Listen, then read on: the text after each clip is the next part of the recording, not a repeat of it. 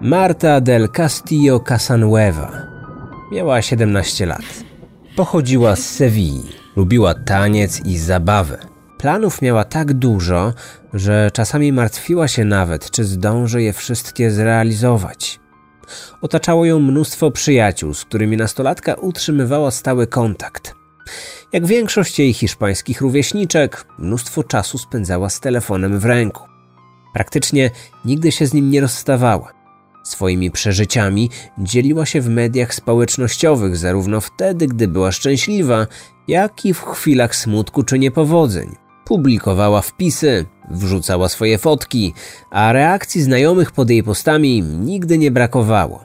Wszechobecna w jej życiu technologia komórkowa trochę martwiła jej rodziców, chociaż potrafili oni dostrzec także pozytywną stronę tego faktu. Cieszyli się, że dzięki temu mieli ze swoją córką stały kontakt. Marta zawsze odbierała połączenia, gdy akurat nie mogła tego zrobić, co zdarzało się niezwykle rzadko, natychmiast oddzwaniała lub pisała SMS-a. Do swojej stałej obecności pod telefonem przyzwyczaiła wszystkich tak bardzo, że gdy 24 stycznia 2009 roku jej komórka nagle zamilkła, najbliżsi dziewczyny od razu poczuli, że musiało stać się coś złego. I niestety, jak już wiemy, mieli rację. Bardzo szybko okazało się, że nastolatka zaginęła bez wieści. Za chwilę przedstawię Wam tę jedną z najgłośniejszych historii zaginięć, jakie miały miejsce w ostatnich latach w Hiszpanii, ale najpierw poznajcie naszego dzisiejszego partnera odcinka. A jest nim Orange Flex, czyli nowoczesna sieć komórkowa w formie subskrypcji. Bez długoterminowych umów, bez papierologii i zbędnych formalności, a wszystkim sterujemy samodzielnie w aplikacji. Testuję Orange Flex już ponad pół roku i zdecydowanie mogę Wam go polecić. Tym bardziej, że w planie, który wybrałem, poza nielimitowanymi rozmowami i SMS-ami, dostaję tyle gigabajtów internetu, że nie jestem w stanie tego nawet zużyć, a uwierzcie, że korzystam sporo, bo do telefonu jestem praktycznie przyklejony i podczas każdego wyjścia z domu towarzyszą mi audiobooki i podcasty, których słucham w terenie. We Flexie rozliczamy się w modelu subskrypcyjnym. To mi bardzo odpowiada, bo nie muszę już pamiętać o comiesięcznych przelewach. Flex w każdym miesiącu ściąga ustaloną wcześniej kwotę z mojego konta. Taki system funkcjonuje też w popularnych serwisach streamingowych. Wszystko działa szybko, stabilnie i jest bezproblemowo. A numer do Orange Flex przeniosłem sam, w aplikacji, bez wychodzenia z domu i zajęło mi to kilka minut. A, i co ważne, kod promocyjny dla nowych użytkowników. Zakładając konto z kodem Kryminatorium, po miesiącu użytkowania dostaniecie 30 zł. Tę kasę można wykorzystać w aplikacji, na przykład na dodatkowe pakiety lub przelać na konto bankowe. Pamiętajcie jednak, że kod trzeba wpisać w trakcie aktywacji numeru, no inaczej nie zadziała. Kryminatorium. Otwieramy akta tajemnic. W życiu bohaterki naszej opowieści, Marty, tak jak wspomniałem, technologia komórkowa odgrywała bardzo ważną rolę. Jak się miało później okazać, informacje zaczerpnięte z jej telefonu były ważne podczas późniejszych poszukiwań. Możemy nawet powiedzieć, że były to kluczowe elementy śledztwa. Dane z jej komórki wykorzystano zarówno przy ustaleniu tego, jak wyglądały jej ostatnie chwile przed zniknięciem, aż po próby wskazania osób za nie odpowiedzialnych. I choć w wielu aspektach okazała się ona niezwykle pomocna, to nie obyło się też bez kontrowersji, bo czasami te informacje zamiast pchnąć śledztwo do przodu, po prostu gmatwały je jeszcze bardziej, a osobom podejrzanym pozwalały na zabawę z policją w kotka i myszkę. A przecież to tak, że od prawidłowego wykorzystania technologii komórkowej przez śledczych zależało to, czy uda im się rozwiązać zagadkę tajemniczego zaginięcia i odkryć, która prawda będzie tą jedyną, słuszną prawdą, bo w tej sprawie było ich co najmniej kilka. Podobnie jak w wersji tego, co tak naprawdę wydarzyło się tamtej styczniowej nocy w stolicy Andaluzji. 24 stycznia 2009 roku, choć była to sobota, Marta wstała bardzo wcześnie. Od samego rana pomagała mamie w domowych obowiązkach. Sprzątała, zmieniała pościel i robiła pranie. Jej rodzina zapamiętała ogromne podekscytowanie Marty, które nie opuszczało jej praktycznie od chwili, gdy się obudziła. Jej radość związana była z wieczornymi planami. Siedemnastolatka była umówiona z przyjaciółmi w pobliskim centrum handlowym. Nie mogła się już doczekać tego spotkania. Po obiedzie Marta postanowiła odpocząć w swoim pokoju. Oczywiście obowiązkowo z telefonem w ręku. Wrzuciła kilka fotek na social media. Słuchała swojej ulubionej muzyki. W międzyczasie rozmawiała na czacie z przyjaciółką. Gdy tylko zaczęła się przygotowywać do wyjścia, w mieszkaniu zadzwonił domofon. Tylko Marta wiedziała, kto przyszedł. Jej matka nie była zadowolona, kiedy dowiedziała się, że tym gościem był dziewiętnastoletni Miguel Carcanio, były chłopak Marty. Para była ze sobą zaledwie półtora miesiąca. Miguel nigdy nie przypadł do gustu rodzicom dziewczyny. Uważali go za lenia i obiboka. Nie podobało im się podejrzane towarzystwo, z którym się zadawał. Nic więc dziwnego, że poczuli sporą ulgę, gdy tuż po Bożym Narodzeniu Marta oznajmiła im, że z nim zerwała. Choć była w nim szaleńczo zakochana, z czasem zaczęła się go po prostu bać. Raz nawet zwierzyła się swojej najlepszej przyjaciółce, że od pewnego czasu dziewiętnastolatek stał się bardzo zazdrosny, a przy tym ogromnie apodyktyczny. Wychodząc z domu, Marta powiedziała mamie, że musi z nim porozmawiać i raz na zawsze coś wyjaśnić. Więcej szczegółów obiecała zdradzić jej po powrocie. Pół godziny później na rozmawiającą parę natknął się ojciec Marty. Wracałem właśnie po pracy do domu z zakupami. Było mniej więcej w pół do szóstej. Moja córka stała w drzwiach i rozmawiała z tym chłopakiem. Tuż obok stał jego skuter. Zanim wszedłem do bloku, oznajmiłem Marcie, że nie chcę, aby nim jeździła. To jedyne, co jej wtedy powiedziałem. Gdy wybiła dwudziesta pierwsza, a siedemnastolatka wciąż nie wróciła, matka postanowiła do niej zadzwonić. Czyżby jej córka zmieniła swoje wieczorne plany, z powodu których była tak podekscytowana? Przecież to byłoby do niej zupełnie niepodobne. A może poszła na spotkanie z przyjaciółmi prosto po zakończonej rozmowie z Miguelem. Wychodząc z domu, nie zabrała ani swojego portfela, ani torebki. Zostawiła również ładowarkę do telefonu. Bez tych rzeczy na pewno nie oddaliłaby się zbyt daleko. Nawet jeśli wcześniej z jakiegoś powodu zdarzało się Marcie zasiedzieć u znajomych, to zawsze dzwoniła wieczorem do rodziców, ponieważ wiedziała, że oni się o nią martwią. Jednak w sobotę nie zadzwoniła. Kolejne próby połączenia z nastolatką kończyły się fiaskiem. Jej komórka była wyłączona lub znajdowała się poza zasięgiem sieci. Od razu włączała się poczta głosowa.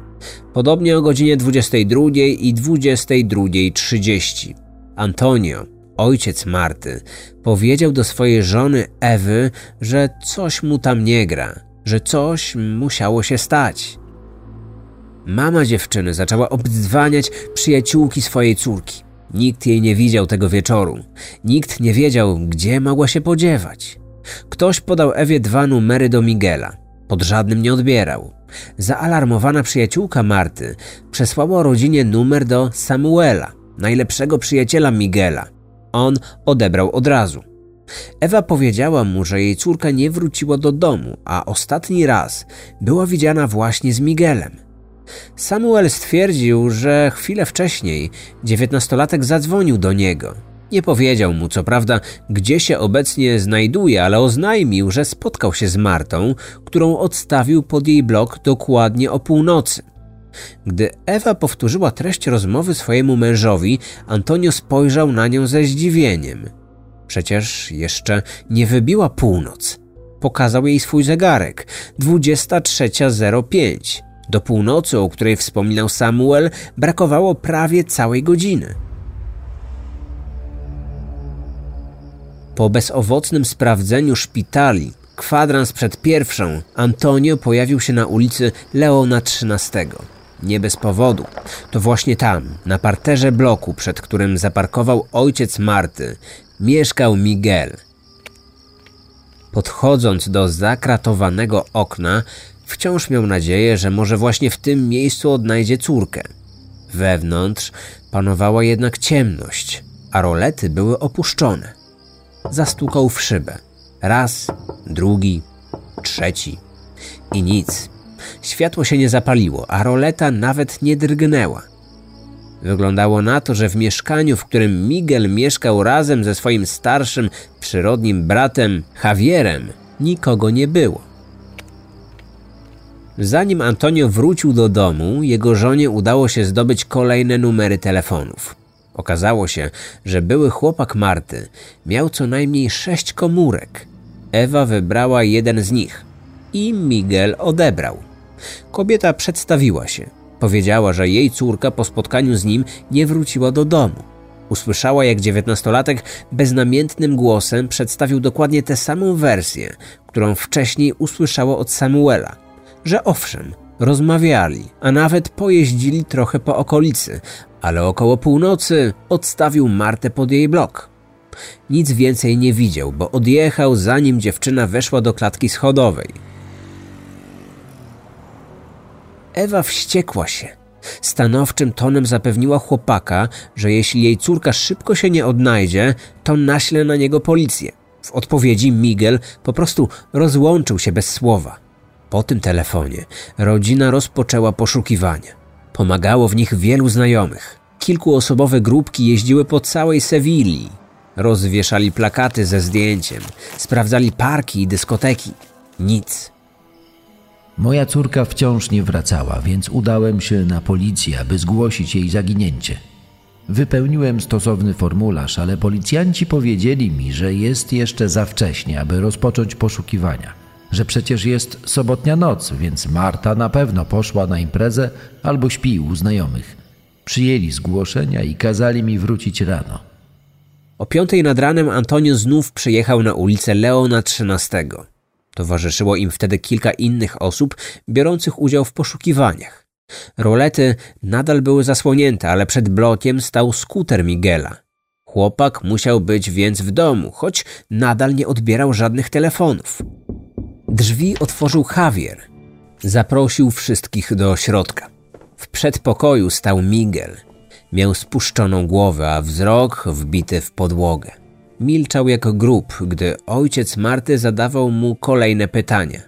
Gdzie ona jest? Gdzie ją zostawił? O której? Zamiast dziewiętnastolatka na wszystkie pytania odpowiadał jego brat i przedstawił wersję, którą wszyscy dobrze już znali. Około północy para rozstała się przed szklarzem, kilka metrów od domu dziewczyny. Zachowanie Miguela od razu wydało się bardzo podejrzane. Dlaczego zamiast niego odzywał się Javier? Dlaczego chłopak ani razu nie spojrzał na żadnych ze swoich gości? Było coś jeszcze, znacznie bardziej złowieszczego niż utrata mowy Miguela.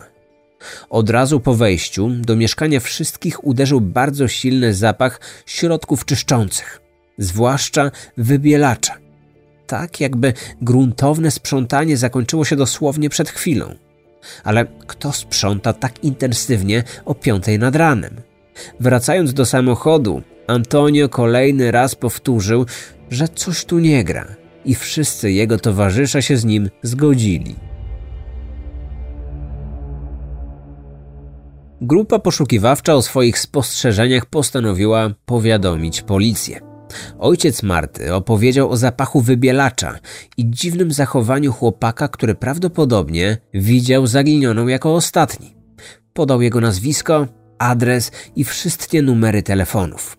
Poprosił o sprawdzenie, czy chłopak mógł mieć coś wspólnego ze zniknięciem nastolatki. W odpowiedzi usłyszał tylko, że oczywiście zrobią to wszystko, ale w poniedziałek bo był przecież niedzielny poranek. Większość policjantów miała wtedy wolne, a spędzenie nocy poza domem przez nastolatkę, nawet jeśli wcześniej nie uprzedziła o tym rodziców, nie było przecież żadną zbrodnią. Ich słowa bardzo mnie zabolały. Jak to? To policja nie pracuje w weekendy? Nie zamierzałem się jednak z nimi kłócić. Wiedziałem, że ucieka nam cenny czas i z każdą kolejną godziną szanse na odnalezienie mojej córki spadają. Co mam zrobić? Dokąd się udać? Gdzie jej szukać? Odczuwałem ból i byłem bezradny. O pomoc poprosiłem mojego szwagra. Także miał na imię Javier. Pojawił się w domu swojej siostry w niedzielne popołudnie. Od razu wyruszył na poszukiwania. Sprawiał wrażenie człowieka, który wie co robi. Nic w tym dziwnego. W przeszłości służył w Guardii Civil. Hiszpańska Straż Obywatelska jest formacją paramilitarną stanowiącą część sił i korpusów bezpieczeństwa państwowego Królestwa Hiszpanii. Podlega bezpośrednio Ministerstwu Spraw Wewnętrznych oraz Ministerstwu Obrony Narodowej. Stanowi jeden z podstawowych elementów systemu bezpieczeństwa państwowego, a do jej zadań należy ochrona praw i wolności obywateli oraz bezpieczeństwa publicznego. Wujek Marty swoje pierwsze kroki skierował oczywiście do domu braci Carcanio. Zanim zapukał do drzwi ich mieszkania, postanowił porozmawiać z sąsiadami. Pytał, czy widzieli może ostatnio Miguela, z kim był i jak się zachowywał. Jeden z jego rozmówców zapamiętał dziwną sytuację. W nocy, z soboty na niedzielę, około drugiej, widział przez okno, jak do budynku wszedł Miguel. Pchał przed sobą pusty wózek inwalidzki. Inny sąsiad miał psa z chorym pęcherzem. Z tego powodu kilka razy w nocy musiał wyprowadzać go na krótki spacer. Podczas jednego z takich wyjść wziął ze sobą śmieci do wyrzucenia. Dokładnie o godzinie 1.50 przy osiedlowym śmietniku zauważył dwóch mężczyzn. Nie widział ich twarzy, ponieważ było ciemno. Dodatkowo mieli oni na głowie kaptury. Za to bardzo dobrze dostrzegł, że jeden z nich pchał wózek inwalidzki, a na nim jakiś czarny pakunek, przypominający zwinięty dywan. Człowiek z psem pomyślał wtedy, że to dziwna pora na wyrzucanie takich śmieci. Ale skoro on sam wyrzucał śmieci o tej godzinie, to inni przecież także mieli do tego pełne prawo. Gdy wujek Marty po raz pierwszy zapukał do drzwi oznaczonych numerem 78, nikt mu nie otworzył. Dopiero nocne walenie pięścią spowodowało, że usłyszał odgłos przekręcanego w zamku klucza. Nie wiedział, kogo ujrzał w progu, bo nie znał żadnego z braci. Gdy stanęli przed nim obaj, od razu zorientował się, który z nich jest młodszy. Ten starszy zachowywał się agresywnie. Zaczął krzyczeć na mężczyznę, głośno przeklinać i obrażać go. Były oficer Guardii Civil nie miał jednak w zwyczaju pozwalać komukolwiek na takie traktowanie. Chwycił gospodarza za gardło i błyskawicznym ruchem przycisnął do ściany. Przedstawił się grzecznie, a następnie sugestywnie zapowiedział, co może mu zrobić, jeśli zostanie do tego zmuszony. Podziałało. Starszy z braci natychmiast się uspokoił. Po chwili opowiedział dokładnie to samo, co wcześniej usłyszeli pozostali członkowie rodziny. Miguel rozstał się z Martą o północy, przed szklarzem. Dziewiętnastolatek potwierdził, że nic więcej nie wie na temat swojej byłej dziewczyny. Obaj zaprzeczyli, że w minioną noc wynosili ze swojego mieszkania cokolwiek, a już na pewno nie dywan na wózku inwalidzkim. Wujek Marty, wracając, zajrzał jeszcze do pojemników na śmieci, ale nie znalazł niczego, co mogłoby potwierdzić opowieści sąsiadów. Gdy pojawił się w domu swojej siostry, nie miał dobrych wieści. Jego zdaniem dwaj bracia kłamali jak znud, co ewidentnie miało zdradzić ich zachowanie oraz nieświadome gesty. Bez owijania w bawełnę stwierdził, że jego siostrzenicy prawdopodobnie stało się coś bardzo złego, a ci dwaj, z którymi miał nieprzyjemność pogadać, wydawali się wiedzieć znacznie więcej niż mówili. O 19 Antonio trzeci raz pojawił się na posterunku policji. Tym razem w towarzystwie swojego szwagra. Nie wiadomo, czy brat jego żony miał na to jakikolwiek wpływ, ale policjanci w końcu postanowili wziąć się do roboty. Zaginięciem początkowo miał się zająć Wydział do Spraw Nieletnich, ale po zeznaniu, jakie złożył wujek dziewczyny, śledztwo natychmiast przekazano do Wydziału Kryminalnego. Od chwili pierwszego zgłoszenia zaginięcia mijało właśnie 17 długich godzin. Niedługo później do drzwi mieszkania braci zapukali funkcjonariusze. Na miejscu nie zastali jednak żadnego z nich. Otworzyła im kobieta, Maria Garcia.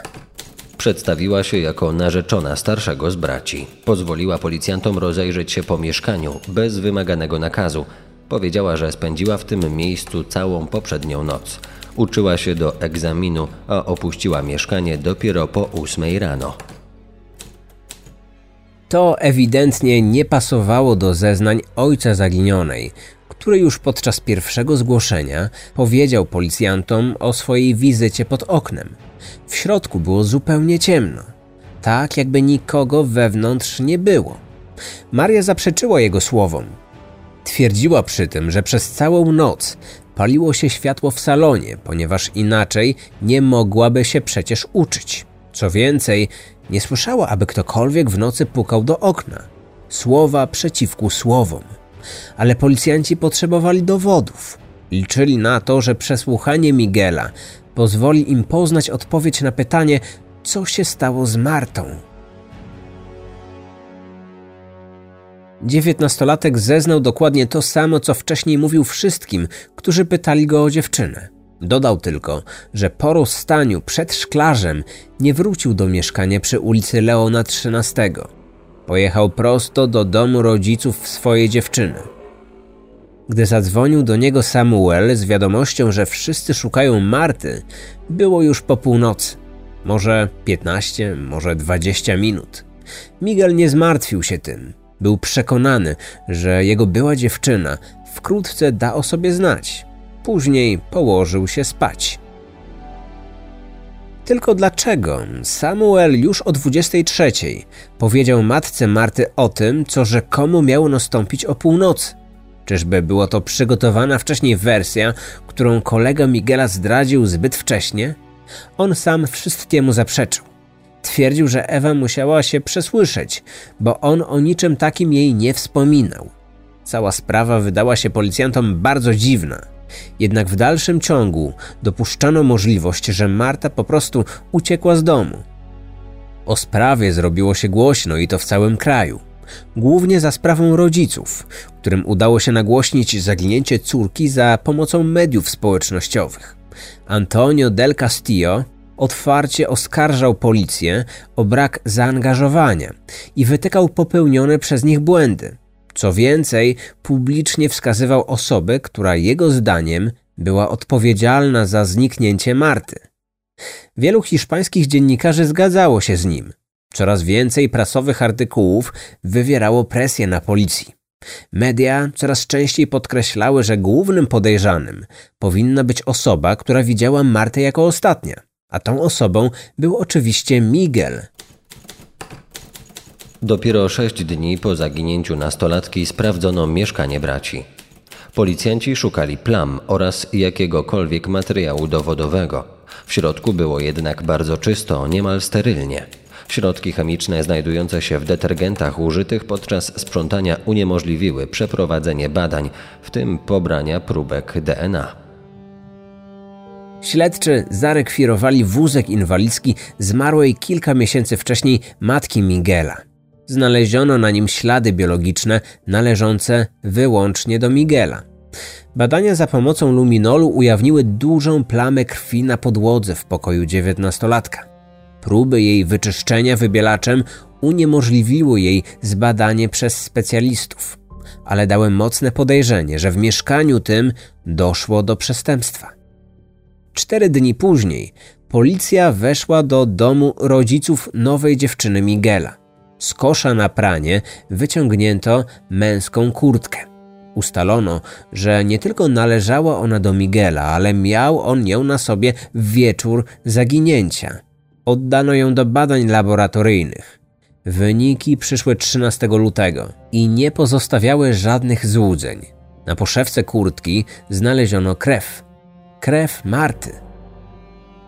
Wszyscy mieliśmy nadzieję, że dziewczyna żyje, ale niestety potwierdziły się nasze najgorsze obawy. Po zapoznaniu się z dowodami, chłopak załamał się i przyznał do popełnienia zbrodni.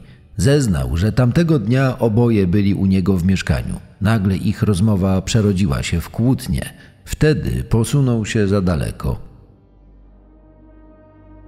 Chwycił za ciężką szklaną popielniczkę i z całej siły uderzył nią Martę w głowę. Nastolatka upadła na podłogę. Mocno krwawiła. W pewnym momencie przestała się ruszać. Wtedy spanikował. Zadzwonił do swojego przyjaciela, a ten obiecał mu pomóc. Samuel przyjechał do niego pół godziny później. Razem zaczęli zacierać ślady zbrodni. W nocy ciało dziewczyny załadowali na skuter i zawieźli na pobliski most. Podczas wizji lokalnej Miguel pokazał policjantom, w którym miejscu ciało Marty wrzucili do rzeki. Śledczym wydawało się, że cała sprawa została rozwiązana, a ciało zamordowanej siedemnastolatki wkrótce zostanie odnalezione. Ale wtedy nastąpił nagły zwrot. I jak się miało niedługo okazać, wcale nie ostatni. Jeszcze tego samego dnia Miguel został aresztowany i oskarżony o dokonanie zabójstwa. Dzień później informacje o tym podały wszystkie hiszpańskie dzienniki. Wtedy Miguel powiedział, że podczas wizji lokalnej kłamał. Następnie przedstawił zupełnie inną wersję wydarzeń. Okoliczności śmierci dziewczyny pozostawały te same, ale w zacieraniu śladów zbrodni miał brać udział ktoś jeszcze. Marta nie została wywieziona skuterem, ale samochodem. Kierowca nie był pełnoletni. Miał niespełna 15 lat i ksywkę Kuko. Chłopaka natychmiast zatrzymano. Podczas przesłuchania zeznał, że przyjaźnił się nie tylko z Miguelem i Samuelem, ale i z Martą. Gdy w sobotni wieczór 24 stycznia złożył niezapowiedzianą wizytę Miguelowi, na podłodze w pokoju zauważył zwłoki Marty. Spanikował i chciał uciec, ale w drzwiach zatrzymał go Javier, starszy brat Miguela. Zagroził, że jeśli komukolwiek zdradzi, co właśnie zobaczył, skończy tak samo jak ona. Brat Miguela trafił do aresztu. Miał jednak mocne alibi. W noc morderstwa był w swoim barze, który prowadził. Po jego zamknięciu pojechał do innego baru. Spotkał się ze znajomymi i wypił kilka drinków. Do domu wrócił o czwartej nad ranem. Nie było w nim Miguela. Drzwi otworzyła mu Maria. Niedługo później poszli spać. Jego zeznanie podważało dwa inne. Marii, która twierdziła, że całą noc była sama i się uczyła, oraz ojca Marty, który był przekonany, że w mieszkaniu nikogo nie było, a światło było zgaszone. Co więcej, po sprawdzeniu telefonu Javiera okazało się, że tamtego wieczoru, pomiędzy 21 a 22, wykonał cztery połączenia. Wszystkie wykonał będąc w pobliżu swojego mieszkania, a nie ze swojego baru, jak sam twierdził. Było to o tyle ważne, że umiejscawiało go w pobliżu miejsca zbrodni i to już po tym, jak została ta zbrodnia popełniona. Według operatora sieci komórkowej z telefonu Marty wysłano SMS-a kilka minut po 20. W tym czasie z pewnością była ona w tym samym miejscu co Javier. Gdy jej przyjaciółka próbowała zadzwonić do niej 20 minut później, ktoś odrzucił połączenie, a następnie wyłączył komórkę. Śledczy byli przekonani, że w tym czasie siedemnastolatka już nie żyła, a jej komórka znajdowała się wtedy w rękach sprawcy. Javier i Maria zostali aresztowani. Policja miała już czworo podejrzanych, ale w dalszym ciągu nie była w stanie ustalić, co tak naprawdę stało się z Martą i gdzie ukryto jej zwłoki. Całą sprawę jeszcze bardziej zagmatwał Miguel, Choć wcześniej przyznał się do dokonania zabójstwa, wkrótce po raz kolejny zmienił wersję wydarzeń. Tym razem jako sprawcę wskazał nam swojego piętnastoletniego przyjaciela. Byli we troje. W pewnym momencie wyszedł z pokoju, a gdy po jakimś czasie do niego wrócił, zobaczył, że Marta leży martwa na podłodze. Jej spodnie były opuszczone do kostek. Na dziewczynie leżał piętnastolatek, który wciąż trzymał swój nóż przy jej gardle. Na szyi dziewczyny owinięty był kabel elektryczny. Trzecia wersja. Nagłe uderzenie popielniczką w głowę zmieniło się w duszenie i gwałt. Także sprawca był zupełnie inny. Takiej wersji zaprzeczył Kuko, co nie zdziwiło policjantów.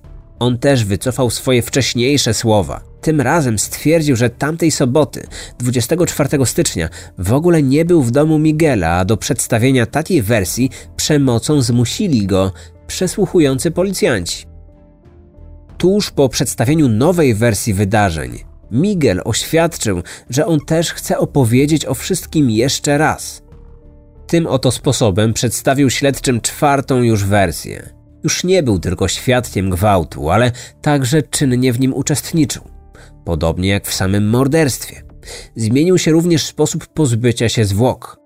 Ciało nie wylądowało w rzece, ale w pojemniku na śmieci, owinięte w dwa czarne foliowe worki i wywiezione z mieszkania wózkiem inwalidzkim.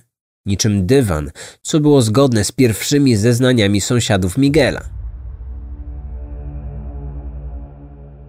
Javier i Maria zostali oskarżeni o składanie fałszywych zeznań oraz ukrywanie przestępstwa oraz zacieranie śladów, a następnie oboje zostali zwolnieni z aresztu. Sędzia uznał, że ich rola w zbrodni była najmniejsza, więc mogą oni poczekać na swój proces we własnym domu. W areszcie pozostał Samuel, który usłyszał te same zarzuty. Dlaczego on także został zwolniony? Odpowiedź na to pytanie odkryli hiszpańscy dziennikarze. Dowiedzieli się oni, że Maria była córką jednego ze znanych andaluzyjskich polityków. Sugerowano więc, że w przypadku tej pary zadziałały po prostu wpływy i znajomości. Miguelowi i Kuko, poza zarzutami, jakie usłyszała pozostała trójka, dołożono gwałt i zabójstwo. Prokuratura była przekonana, że dysponuje mocnymi dowodami, a wszyscy oskarżeni z pewnością wylądują w więzieniu. Pierwszy sądzony był 15-letni Kuko. Z racji swojego wieku, jego rozprawa odbyła się przed sądem dla nieletnich. Zgodnie z hiszpańskim prawem, jako osoba niepełnoletnia, nie mógł zostać skazany na więcej niż 6 lat zamknięcia w ośrodku dla młodocianych przestępców oraz dodatkowe 3 lata nadzoru. Zeznał w sądzie, że tamten sobotni wieczór spędził w domu, a do przyznania się do winy został zmuszony przez przesłuchujących go policjantów. Funkcjonariusze zaprzeczyli jego słowom. Jako dowód prokurator przedstawił dane dostarczone przez operatora sieci, które wskazywały jasno, że około północy chłopak wykonał kilka połączeń telefonicznych, będąc na ulicy Leona XIII, czyli w pobliżu miejsca zbrodni.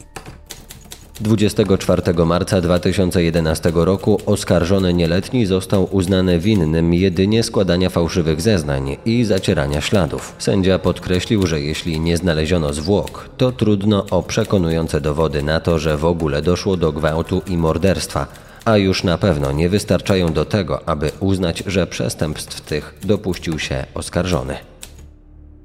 Wyrok, jaki usłyszał piętnastolatek, spotkał się z potępieniem hiszpańskiej opinii publicznej.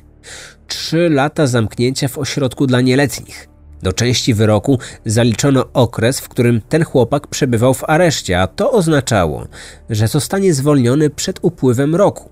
W październiku 2011 roku rozpoczął się główny proces dorosłych oskarżonych.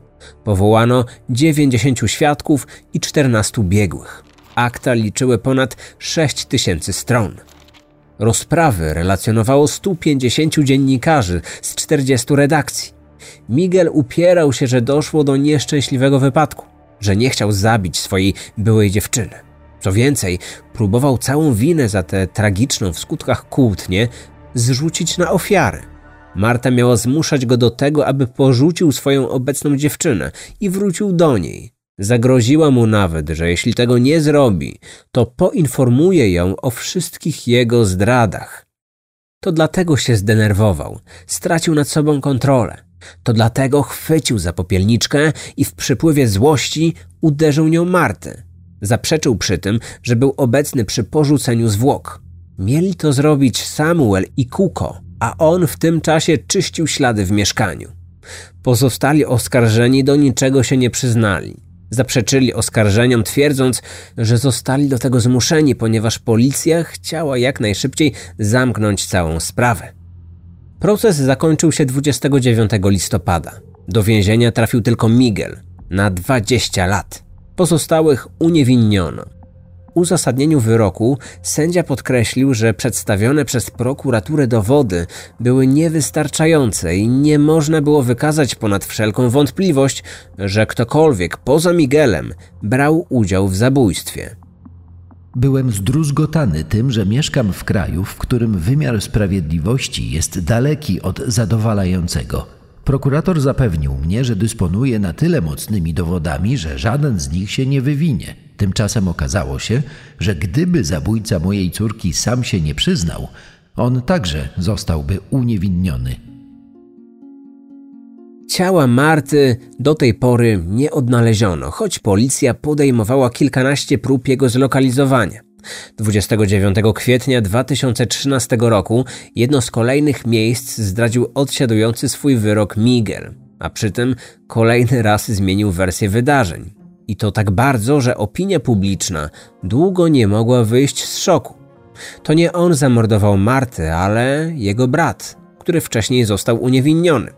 Według nowej wersji przyprowadził Martę do mieszkania. Po pewnym czasie zostawił ją samą w pokoju i poszedł pomóc Javierowi wywiesić pranie. Wtedy bracia pokłócili się między sobą. Powodem awantury był kredyt hipoteczny.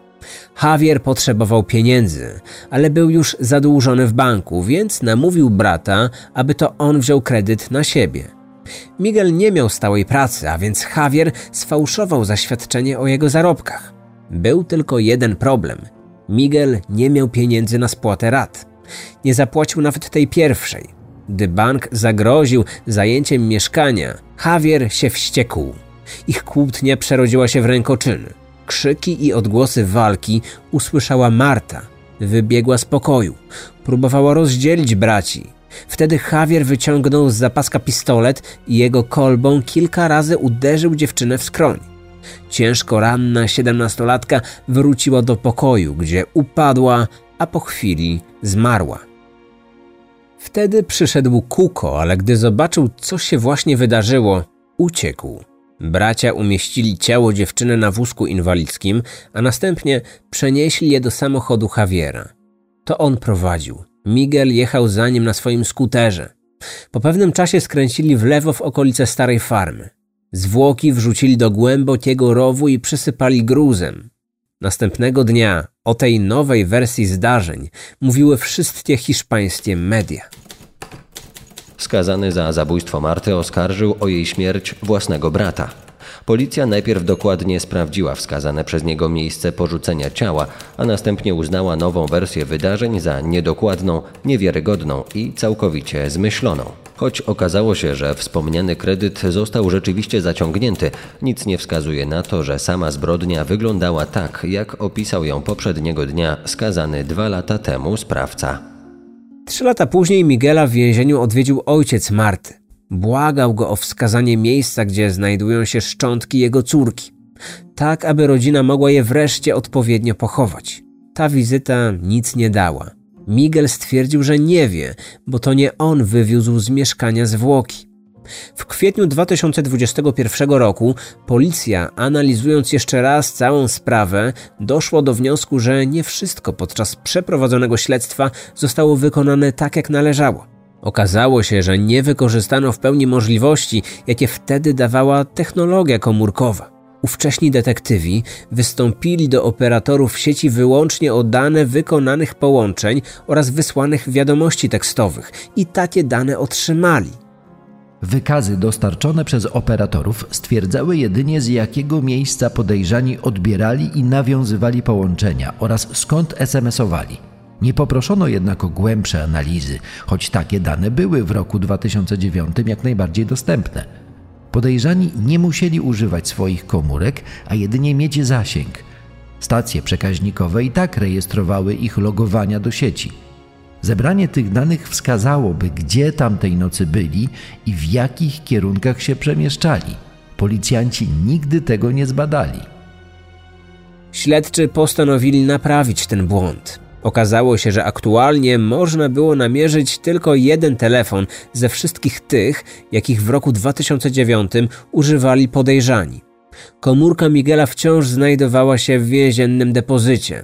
Telefon zabezpieczono i przekazano biegłym do analizy. Od tego czasu do opinii publicznej nie przedostały się jakiekolwiek informacje o wynikach tych badań. Należy więc chyba przypuszczać, że odzyskane dane nadal są analizowane. Być może w końcu na tej podstawie uda się ustalić, gdzie sprawcy wywieźli zwłoki zamordowanej nastolatki. Ojciec Marty nadal szuka ciała swojej córki na własną rękę. Pomagają mu bliscy i rodzina. Na razie bez rezultatu, więc wciąż bez odpowiedzi pozostaje najważniejsze pytanie w tej sprawie: gdzie jest Marta? Odcinek powstał na podstawie serialu dokumentalnego o tytule Gdzie jest Marta, dostępnego na platformie Netflix oraz artykułów prasowych El País, La Razón i Diario de Sevilla, opublikowanych na hiszpańskim portalu Criminalia. Odcinek powstał we współpracy z nowoczesną siecią komórkową Orange Flex.